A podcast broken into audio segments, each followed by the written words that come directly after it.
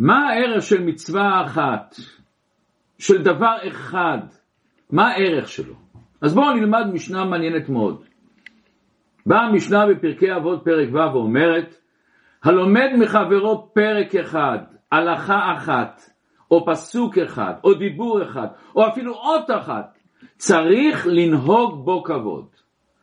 ובאה המשנה אומרת מאיפה אני לומד את זה? שכן מצינו בדוד מלך ישראל, שלא למד מאחיתופל אלא שני דברים בלבד, וקראו רבו, אלופו ומיועדו. זאת אומרת, הוא נתן לו כבוד גם שלמד ממנו שתי דברים. ופה מיד עולה לנו המון שאלות. הדבר ראשון, אנחנו אומרים שצריך לנהוג בו כבוד, למה? מכיוון שהוא למד מחברו. אבל רגע, רגע, המשנה בפרקי אבות, פרק ב' אומרת, יהי כבוד חברך חביב עליך כשלך, גם שהוא לא למד ממנו שום דבר, אני צריך לכבד את השני. עוד דבר, לומדים את זה מאחיתופל. אבל אחיתופל הוא למד שני דברים. איך אני לומד מזה שגם אם הוא למד ממנו דיבור אחד או אפילו אות אחת, גם הוא צריך לנהוג בו כבוד. וזה קל וחומר, זה לא קל וחומר, שם זה היה שתיים ופה זה אחד. אז איך המשנה לומדת דבר אחד מהדבר השני? עוד דבר מעניין, בשעה שאומרים שהוא לא למד ממנו אלא שני דברים, מוסיפים את המילה בלבד. אבל כשאומרים בהתחלה שהוא למד ממנו פרק אחד, אות אחת, לא כתוב בלבד. למה לא כתוב בלבד? למה ההבדל כשפה אתה אומר אצלו בשתי דברים בלבד, ובאות אחת אתה לא אומר בלבד? זו שאלה מעניינת מאוד ומעניין שהלכתי לחפש בהרבה ספרים, לא מצאתי עוד תשובה, רק ביאור נפלא של הבעל שם טוב. והיום ניקח את הביאור הזה של הבעל שם טוב קצת ונרחיב אותו יותר. אבל בואו לפני זה רק ניכנס להקדמה קטנה, אבל הקדמה חשובה מאוד. מה המקום הכי קדוש בעם ישראל? המקום הכי קדוש זה בית המקדש. המקום הכי קדוש בבית המקדש זה קודש הקודשים. בקודש הקודשים מה היה המקום הכי קדוש? הכרובים, משם יצא כל השכינה ודיבר. מה היו הכרובים? איש ואישה, עשו אותם מחתיכת זהב אחת, לא צירפו חתיכה, זה היה מקשה אחת, והיה פנים של ילד וילדה. וכאן בא הפלא העצום. האיסור הכי חמור בתורה זה לעבוד עבודה זרה. ולכן על פי, על פי הלכה אסור לשים בבית או בכלל אפילו פסלים. אפילו שאני לא עובד אותם לעבודה זרה, אסור לו, אסור בשבילנו ליצור עבודה זרה. עד כדי כך שבפוסקים יש שאלה גדולה של בובות האם זה מותר. למה? מכיוון שזה גם צורה של בן אדם. אבל זה כבר יש הרבה פוסקים שמתירים, אפילו שיש כאלה שמחמירים, אבל יש רוב הפוסקים מתירים למה בבובות אני לא מכבד אותם, אני זורק אותם על הרצפה, אני מלכלך אותם, אני מבזה אותם. אבל דבר שיש לי בבית אפילו של יופי, הוא לא בשביל עבודה זרה, זה כבר אסור. איך יכול להיות שבקודש הקודשים שמו פנים של איש ואישה שזה לכאורה על פי ההלכה זה אסור. אומר המדרש באיכה רבה, רבי יצחק אמר חרפה כיסתה כלימה פנינו, כי באו זרים אל מקדשי בית השם. מה היה החרפה?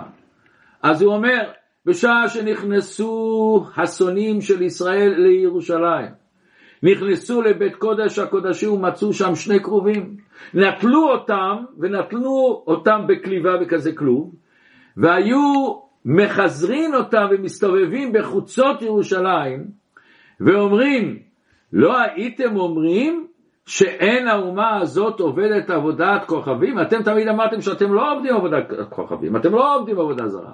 ראו מה מצינו להם, ומה אתם היו עובדים. הרי כל עם ישראל כשהשתחוו, השתחוו לכיוון קודש הקודשים, לכיוון הקרובים. איך זה יכול להיות? איך זה יכול להיות? מוסבר בספרים שפה התורה מלמדת אותנו דבר יסודי מועד מאוד.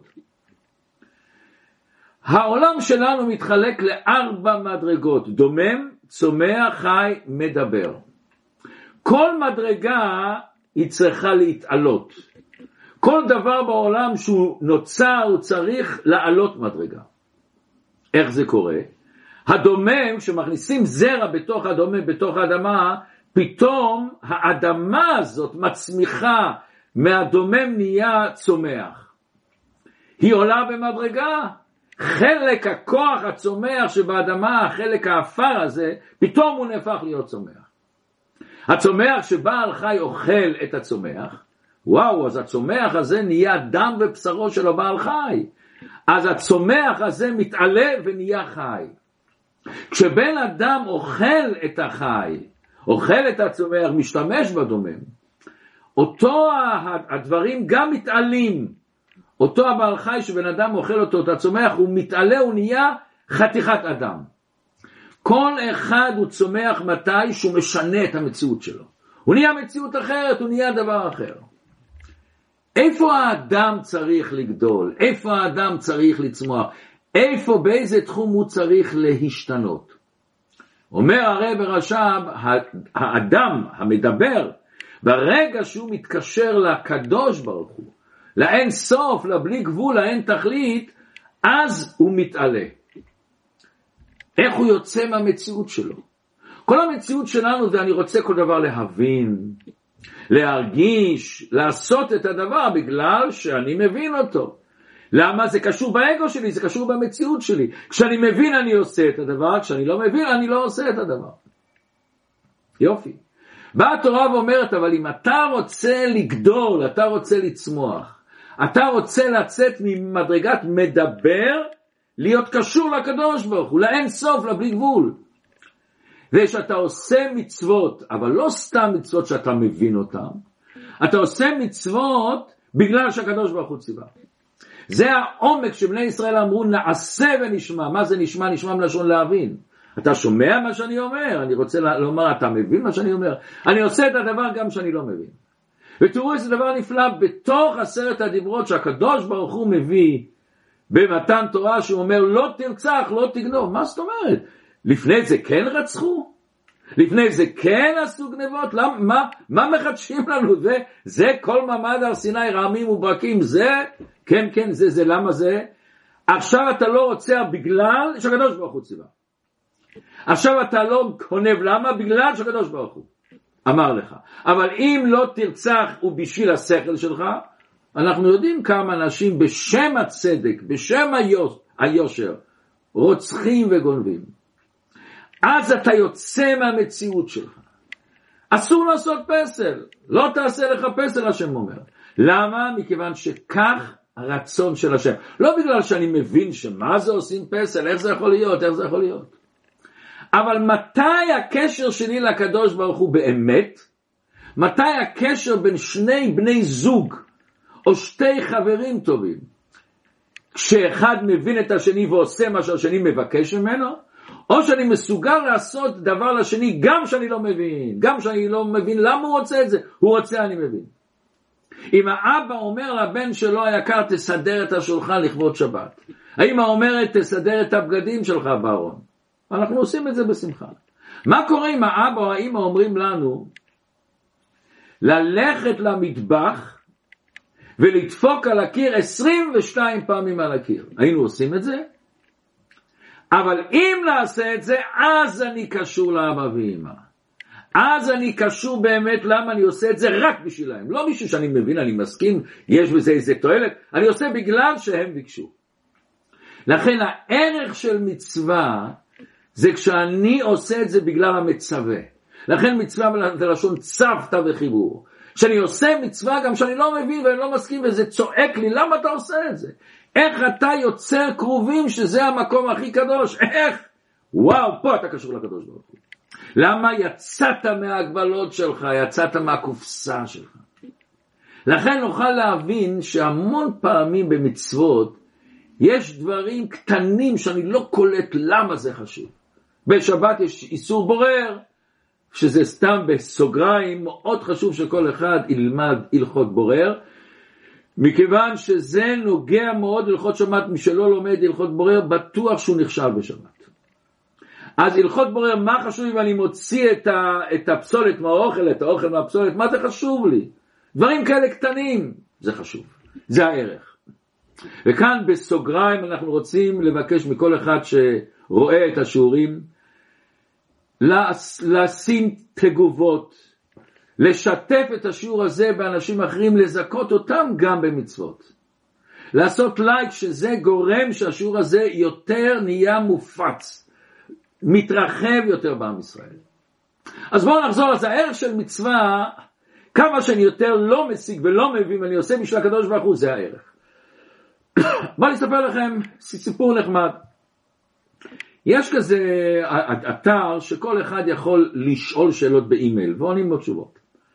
מישהו שאל שאלה באימייל, למה לקדוש ברוך הוא חשוב כל הדברים הקטנים האלה? למה הקדוש ברוך הוא חשוב לפעמים מעשים קטנים, אני שם את התפילין פה זה בסדר, קצת למטה, קצת למעלה זה לא בסדר, מה חשוב? הוא לא קיבל תשובה. הוא שלח עוד פעם את האימייל, הוא לא קיבל תשובה, עוד פעם את האימייל, הוא לא קיבל תשובה. ואז הוא כותב אימייל רביעי, אימייל חדש, והוא מצרף את כל השלוש אימיילים שהוא שלח, ואומר לאותו רב, הוא אומר, אדוני הרב, אם אין לך תשובה תענה שאין לך תשובה, למה אתה בורח? ואז הרב עונה לו.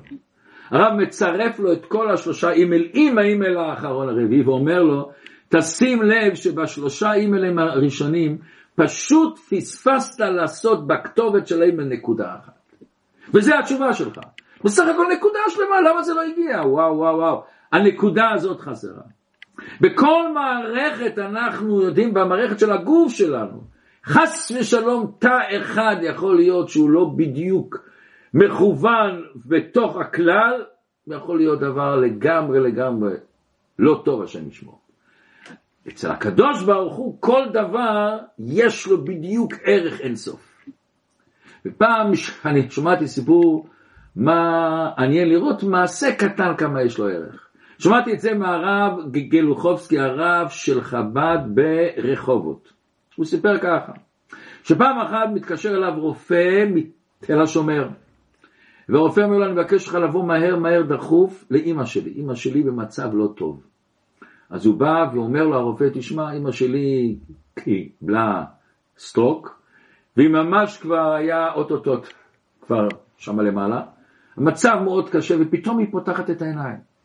והיא אומרת, תעשה לי טובה, תביא לי את הרב אולחובסקי. הבאתי אותך דחוף. ואז האימא הזאת, האישה הזאת אומרת לו, הרב, לפני כמה שנים שכנה שלי ביקשה לארגן בבית שלי שיעור. ואתה באת פעמיים או שלוש לומר את השיעור שם. ואחרי זה השיעור הזה הפסיק. אני הייתי כבר בלי הכרה, ועליתי למעלה. וכשאני נמצאת למעלה אני רואה שמחפשים מעשים טובים שעשיתי. ולא היה הרבה כל כך. ופתאום אני רואה איזה אור גדול. ואני מסתכלת ואני רואה את השיעור שעשיתי בבית שלי. ושואלים אותי בשמיים, למה הפסקת את זה? ואז אני פותחת את העיניים. ואז אני מבקש ממך, הרב גלוחובסקי, תבטיח לי שתמשיך את השיעור הזה. אומר הרב גלוחובסקי, להבטיח, אני אשתדל, תבטיח לי שאתה עושה את השיעור הזה. למחרת האישה הזאת כבר לא הייתה בעולם. אחד בטוח שאחד הדברים שהיא באה לתת לנו מסר, עשיתי דבר קטן, ארגנתי בבית שלי שיעור, לא עשיתי, לא אמרתי את השיעור בכלל. כל מעשה קטן, מכיוון שזה קשור לקדוש ברוך הוא, אין לנו את המשקל, את הסנטימטר למדוד את הערך שלו, ריבונו של עולם. מכיוון שהערך שלו זה הצפת עם הקדוש ברוך הוא. לא המעשה עצמו, המעשה עצמו הוא כל הערך שלו, שבתוך תוכו יש קשר לקדוש ברוך הוא. אומרת לנו המשנה לומד אפילו אות אחת, צריך לנהוג בו כבוד.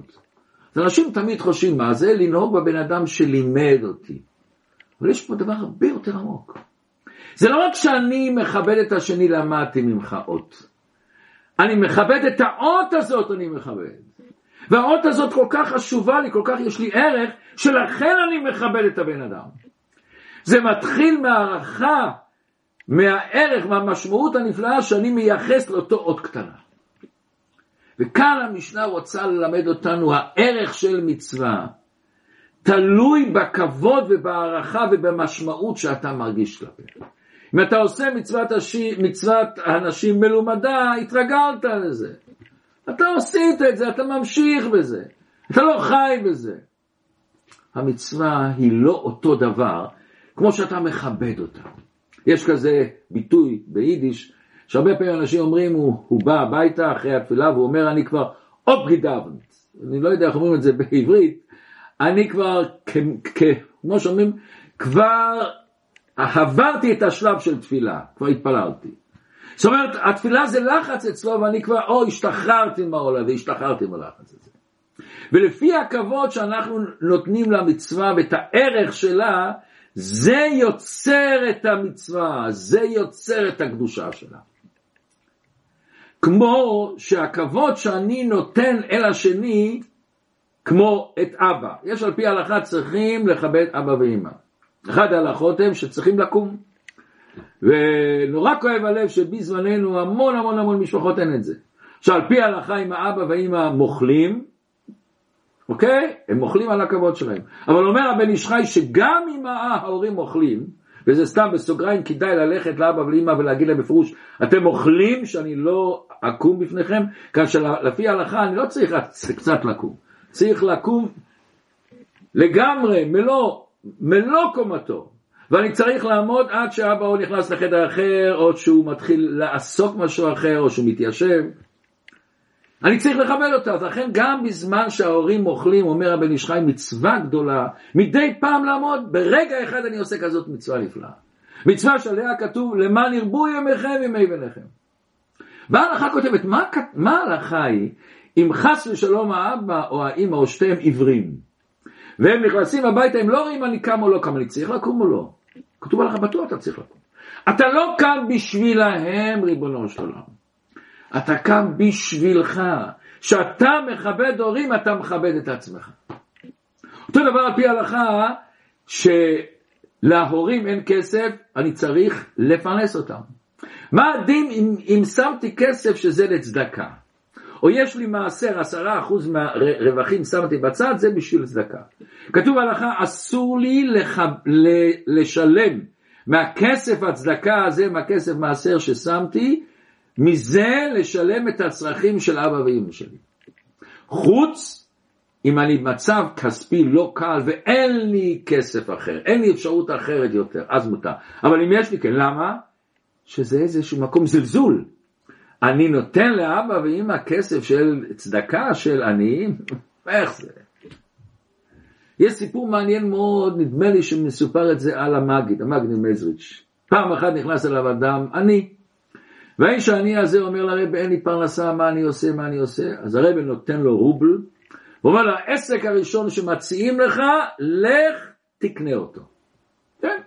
חזר הביתה, עבר שם באיזה בית מלון, נכנס לבית מלון ורואה שזה כינוס של אנשים שעוסקים ביהלומים.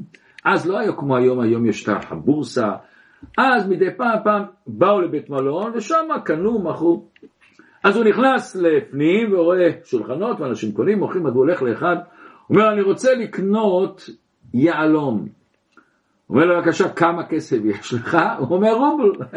מה אתה עושה ברובל? אומר, אבל אני רוצה לקנות משהו. אז האיש הזה, אתה יודע מה? אני מוכר לך את העולם הבא שלי. אני עשיתי לפעמים את זה מצוות כנראה, אני מוכר לך. בבקשה, עשו שטר, חתמו, אני מוכר לך את העולם הבא, ואתה מקבל רובל.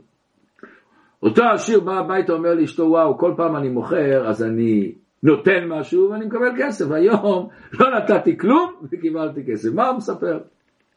אישה אומרת לו וואו אני עם בעל בלי עולם הבא לא חיה ואנחנו יודעים לפעמים שאישה רוצה משהו זה הולך אתה צריך לחפש אותו ולרוץ ולקנות בחזרה את העולם הבא שלך איפה נמצא אותו? לך תחפש אותו לא מעניין אותי אוקיי, הלך, התחיל לברר איפה הוא, הוא כבר עזב את העיר, רץ אחריו, רץ, תפס אותו, הביא אותו בחדר הלילה, אומר, תשמע, עשיתי טעות, אשתי לא רצה, תיקח את הרובל תביא לי, לא אומר לו, לא, לא. המגיד אמר לי שאני אקנה את העסק הראשון, הוא יגיד לי מתי אני מוכר אותו בחזרה. מה? אוקיי, עשר רובל, לא, עשרים רובל, מאה רובל. אוקיי, הוא עזב אותו. הולך לאשתו, הוא משוגע הבן אדם הזה. אני מכרתי, אני מכרתי לו, קיבלתי רובל, רוצה לתת לו מאה רובל. אז היא אומרת, כמה אתה רוצה? אני לא, אין מחיר, הוא אומר. אנחנו הולכים למגיד, מה שהמגיד אומר, זה מה שיהיה. אוקיי? הלכו למגיד. הולכים למגיד והוא מספר, תשמע, יש לי כנראה עולם הבא, עשיתי איזה מצווה פה, מצווה שם, אבל אני רוצה את זה בחזרה, כמה אני צריך לשלם? והמגיד עושה לו חשבון כמה הולך, כמה עולה לאותו חסיד לחתן את השלוש בנות שלו. הצעה סכום יפה. תן את הכסף הזה, ואז אתה מקבל את השטר הזה בחזרה, אתה מקבל את העולם הבא שלך. מה פתאום? אשתו אומרת, אתה עושה את זה, אתה עושה את זה. והיא ניצחה. אחרי והולכת האישה למאג ושואלת אותו, רב, אני רוצה לשאול, באמת העולם הבא של בעלי שווה כל כך הרבה כסף? אומר לה המאג, תשמעי, כשהוא מכר את העולם הבא שלו, זה לא היה שווה אפילו את הרובל הזה. עכשיו זה שווה הרבה יותר. כשהוא מכר הוא לא העריך את המצוות שהוא עשה, זה לא היה לזה ערך. עכשיו פתאום שהוא תפס את הערך, זה גורם למצווה את הערך שלה. לכן המצ... אומרת המשנה שאתה מעריך אות אחת שלמדת, תן כבוד אל השני בגלל, בגלל שאתה מעריך את האות הזאת. לכן נוכל להפעיל לפי זה עוד דבר מעניין. אנחנו יודעים שיש דבר שמצווה גוררת מצווה. איך מצווה גוררת מצווה? מה קשור מצווה אחת למצווה שנייה? אלא מכיוון שמצווה, כמו שאמרנו, זה צוותא, זה קשר עם הקדוש ברוך הוא.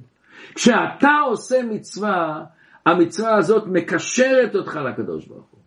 ומכיוון שהיא מקשרת אותך אל הקדוש ברוך הוא, זה פותח לך את הלב, וזה סוחב אותך לעשות עוד קשר עם הקדוש ברוך הוא. למה? מכיוון ששם אתה נפתח. סיפר לי זבעל תשובה אחד, איך שהוא התחיל לחזור בתשובה, אז הוא מספר, הלכתי פעם לבית כנסת, היה לו איזה אז, זה קרה על אביב נדמה לי, והיו שם ילדים, והוא אהב תמיד לחלק לילדים סוכריות. אז הוא הוציא שקית והראה להם מהסוכריות, ששובר כל מיני דברים, ואחד הילדים, או, זה סוכריה שאני כל כך אוהב, תן לי, תן לי, תן לי אותה. הביא לו אותה. ואז הילד הזה מחזיק, מחזיק את, ה, את הסוכריה ביד, והוא רואה אותו מסתובב בית עצם, מסתובב מחפש אותו. ואז הוא אומר לו, אתה לא, אתה אמרת שאתה כל כך רוצה את זה, למה אתה לא אוכל את זה, למה אתה לא אוכל את זה? הוא אומר לו, לא, לא, למה אתה לא אוכל את זה? אני צריך לשאול את אבא שלי אם זה כשר. מה זה כשר? לא, לא, לא, לא, לא, אני לא אוכל. הוא אומר, וזה תפס אותי. איך שהילד הזה פתאום, ילד קטן בן ארבע, כל כך רוצה את הסוכריה הזאת. אבל אם זה, הוא צריך לברר בטוח שזה כשר. זה הוא אומר, הדליק אותו. זה גרם לו את המצווה הראשונה שהוא התקשר לקדושה. וזה מה שכתוב, מצווה הבאה לידך, אל תחמיצנה. מה זה אל תחמיצנה? אז הסבר אחד, אל תעשה אותה חמוץ. תעשה אותה בשמחה, בהתלהבות, בחיות, לא סתם חמוץ. אבל הפשט הפשוט אל תחמיצנה, יש לך מצווה, תתפוס אותה. למה? מכיוון שבתוך המצווה הזאת טמון עוד הרבה מצוות, טמון עוד הרבה קדושה, טמון עוד המון דברים נפלאים כתוב. אומר הבעל שם טוב, לפי זה אומר הבעל שם טוב, נוכל להבין את המשנה. אם אני לומד אות אחת מבן אדם שהוא שומר מצוות, שאצל הבן אדם הזה התורה היא כולה אחדות שלמה. כל מילה קשורה למילה השנייה, כל עוד קשורה. יש בתורה 60 ריבו אותיות, אם חסר אות אחת כל התורה איננה. אז אם אני לומד אצלו אות אחת, אני בעצם מתקשר לכל התורה כולה.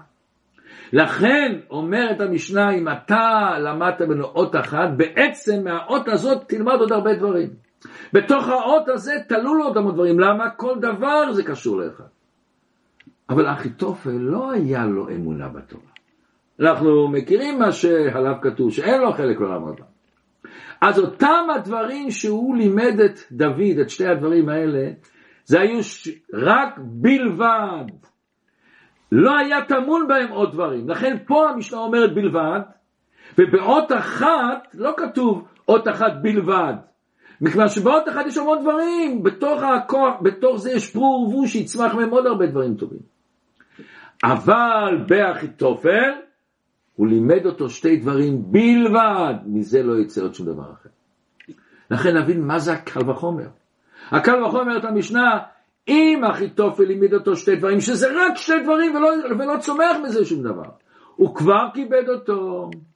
אם אנחנו נלמד מחבר שלנו, שהוא מאמין בתורה ומצוות, אם אני לומד ממנו הדבר אחד, הדבר הזה יביא לי עוד המון המון המון המון מצוות, עוד המון המון המון דברים. ועכשיו נראה עוד נקודה שלישית. נקודה ראשונה אמרנו שבאות עצמה יש קשר לקדוש ברוך הוא. דבר שני אמרנו מצווה גוררת מצווה. אבל בואו נראה עוד דבר. כל יהודי יש לו שליחות בחיים שלו. כל יהודי יש דברים שזה הפאזל שלו, החתיכת פאזל שהוא צריך ליצור. והקדוש ברוך הוא מגלגל לנו שיהיה, שיהיה לנו תמיד את ההזדמנות לעשות את זה. שיהיה לנו את היכולת לעשות את זה. ואם חס ושלום אנחנו מפספסים, אנחנו לא מפספסים רק מצווה. באיזשהו מקום אנחנו חס ושלום יכולים לפספס את השליחות שלנו. מרדכי אומר לאסתר המלכה, מי יודע אם לעת כזאת הגעת למלכות. באת למצב שאת שואלת, למה את? למה אסתר, בחורה מבית יעקב, חסידית, מה אני צריכה ללכת לאחשוורוש הזה? מי יודע אם לעת כזאת הגעת למלכות. ובואו נשמע סיפור שפותחים את המסך מעליו, זה, זה, זה לא להאמין. אנחנו מכירים שהבת של פרעה בתיה, אבל באמת אומר המדרש מה השם שלה, השם שלה האמיתי שפרעה נתן לה, זה תרמו, תרמותית. זה על שם אחד מהעבודה זרה של מצרים. בא הפסוק ועומד ותרד בת פרעה לרחוץ על היאור. רש"י מיד אומר זה לא מתאים, היה צריך לרחוץ ביאור. אז רש"י אומר צריך לסרס את, ה... את אותו משפט. אבל גם מה זה על היאור? יש גם משהו יותר קשה. המדרש בפרקי דרבי אליעזר אומר שהיו לה נגעים בגופה, היה לה פצעים. והיא הלכה להתרחץ ביאור. פלא פלאים. דבר ראשון ופשוט, לא היה בארמונות של פרעה בתי מרחץ? כל מיני מרחצאות, היום שחופרים את החפירות מוצאים שם לוקסוס, לוקסוס. מה היא הולכת ליאור שזה מקום מלוכלך? עוד יותר, היאור הרי היה עבודה זרה של המצרים. הרי הם השתחוו ליאור. למה מכת הדם הייתה מכה ראשונה שהם רצה להכות את האלוקים שלהם. היא הולכת להתרחץ, להוציא את הפצעים שלה, את הלכלוך שלה ביום, מי עשה את זה? לא התרחצו ביום. אומרת הגמרא, ורש"י מביא את זה במסכת סוטה, למה היא הלכה אל היאור? לרחוץ מגילולי בית אביה. מה זאת אומרת לרחוץ מגילולי בית אביה? אז בפשטות היא הלכה לטבול במקווה. מקווה היאור. אבל אומר השח והרוג את שובר הצופנת פניה ביאור נפלא. היא התחנכה בבית שיש עבודה זרה בעולם, מי זה היאור? איך על פי ההלכה אני מבטל את הכוח של עבודה זרה? איך בן אדם שרוצה להתנתק מעבודה זרה, איך הוא שובר אותה? איך הוא מבטל את העבודה זרה שבלו? אז כתוב שהוא צריך לבזות אותה. לכן אם אני רוצה לבטל עבודה זרה צריך דווקא אדם שמאמין שהוא הולך לשבור ולבטל את אותה עבודה זרה. בעיר שלנו באנטוורפן היה מקום שגם היה שם כנסייה, בית ספר יבנה הלך לקנות אותה, שאלו את רב שלטון זלמן איך, מה עושים, היה שם איזה מזבח כזה, אז אחד הדברים שהם היו צריכים לעשות, לקחת כומר, שילביש את הבגדי כהונה שלו, והוא ישבור אותה. הלכו לחפש. מה אתם אומרים? מצאו כומר, שילמו לו חמשת אלפים פרנק, זה היום 125 יורו. הלך עם הפטיש כזה, שבר את ה... צריך לבטל את זה. באה בת של פרעה ורוצה להתגייר, רוצה לבטל את העבודה הזרה שהיא עבדה עד עכשיו. אז היא בכוונה הולכת להתרחץ ביאור עם הנגעים שלה, עם הפצעים שלה, עם הלכלוך שלה. ובזה אני מבטלת אותו. אף אחד לא הלך להתרחץ. אה, שם התרחצו. ולכן פרעה דווקא זרק את הילדים ליאור, לומר בזה עבודה זרה שלנו שולט עליכם. אז היא עשתה שני דברים. היא ביטלה את העבודה הזרה, סור מרע, ואז היא טבלה במקווה ועשתה עשית, עשית טוב. אבל תראו איזה יופי. בת של פרעה, עוד מעט נראה למה, בת של פרעה קיבלה התעוררות. להתגייר. כמה פעמים אנחנו מקבלים התעוררות? חשק, רצון, הרגשה לעשות משהו טוב. אבל הרבה פעמים אנחנו מפספסים. אנחנו מחמיצים את ההזדמנות הזאת. מחר נעשה את זה, אולי זה לא טוב, איזה, אני אתבייש. מאה אלף סיבות לא לעשות. אותו בת של פרעה הרגישה שהיא רוצה, רוצה, רוצה להתקרב לקדוש ברוך הוא. והיא רצתה לשבור את הקרח. אז היא לא הלכה ככה בשקט, היא הלכה עם הנערות שלה. היא קיבלה את ההתעוררות והיא תפסה אותה. ותראו איזה יופי. אמרנו מצווה גוררת מצווה. היא באה ליאור ורואה תיבה והיא רואה שם בתוכו ילד. והיא מושיטה את היד. ואומר המדרש זה היה רחוק והשם עשה נס שפתאום היד שלה נהייתה ארוכה. איך שלא נסביר את זה, ההתעוררות הזאת שהיא רצתה להתעלות גרם לה להציל את משה רבנו. ההתעוררות הזאת גרמה לה לשלוח את היד. כמה פעמים היה לנו התעוררות לשלוח את היד למישהו ולא שלחנו את היד? וכמה אנשים אנחנו יכולים להגיד, שלחנו את היד? וכמה אנשים אנחנו יכולים לומר לעצמנו, אני לא יכולתי לעזור לו, אבל עשיתי משהו, שלחתי את היד. לא האמנת שאני אעזור, וכמה פעמים שלחנו את היד וחשבנו שזה לא יעזור שום דבר, אני אגיד לו מילה טובה, אני אחייך, אני אתן לו משהו, לא חשוב מה, וזה כן הצליח כמה פעמים. אבל הסיפור פה עוד לא נגמר. למה פתאום הלכה ליאור, רצתה להתגייר, ולמה התגלגל שהיא הצילה את משה רבנו? האריזל פותח את הווילון. אומר האריזל אומר, חווה באה בגלגול אצל הבת של פרעה, אצל אותו בתיה.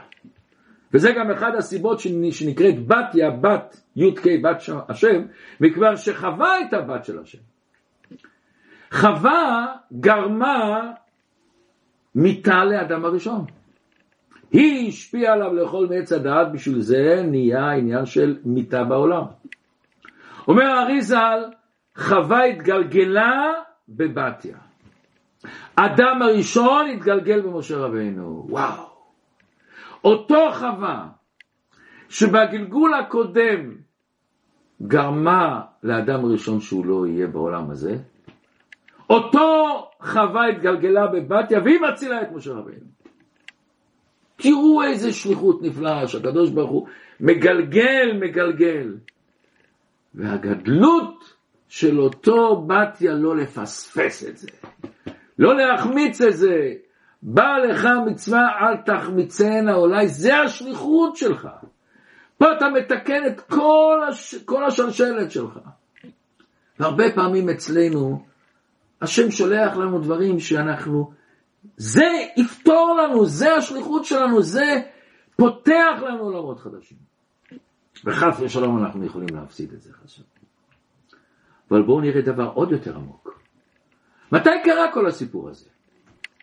אנחנו מכירים את המדרש המצריים ששמעו שאישה בהיריון, ספרו מתי הזמן, וכל, בחודש התשיעי הם באו הביתה, לקחו את הילד. משה רבינו הקדוש ברוך הוא עשה שהוא נולד בחודש השישי, נס. מתי משה רבינו נולד? בזין באדר. האימא שלו החביאה אותו, היא ידעה, הם לא באים. אבל היא ידעה ברגע שיהיה החודש התשיעי, הם יבואו. זין באדר, אחרי זה ניסן, ואחרי זה אייר, ואחרי זה סיוון. ו' סיוון זה החודש התשיעי. מתי האימא של משה רבנו שמה אותו ביאור? בו' בסיוון, מתן תורה.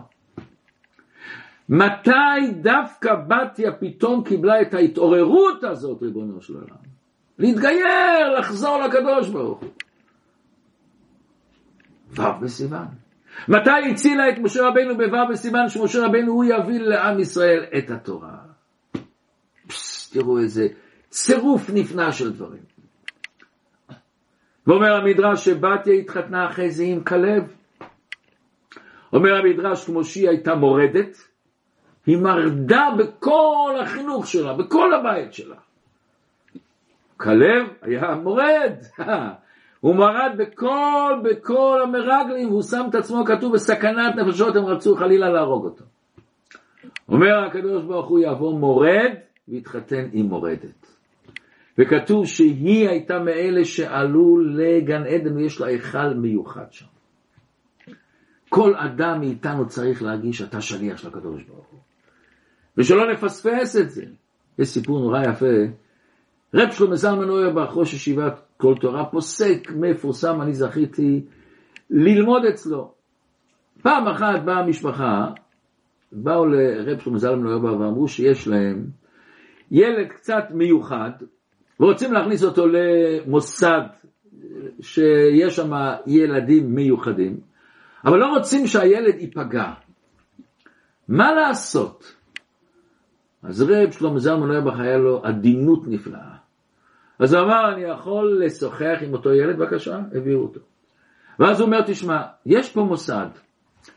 אני נורא דואג אם שם מקפידים על כל ההלכות. הלכות שבת, הלכות כשרות, איך, איך מחנכים את הילדים. אני רוצה לבקש ממך שתעשה לי טובה.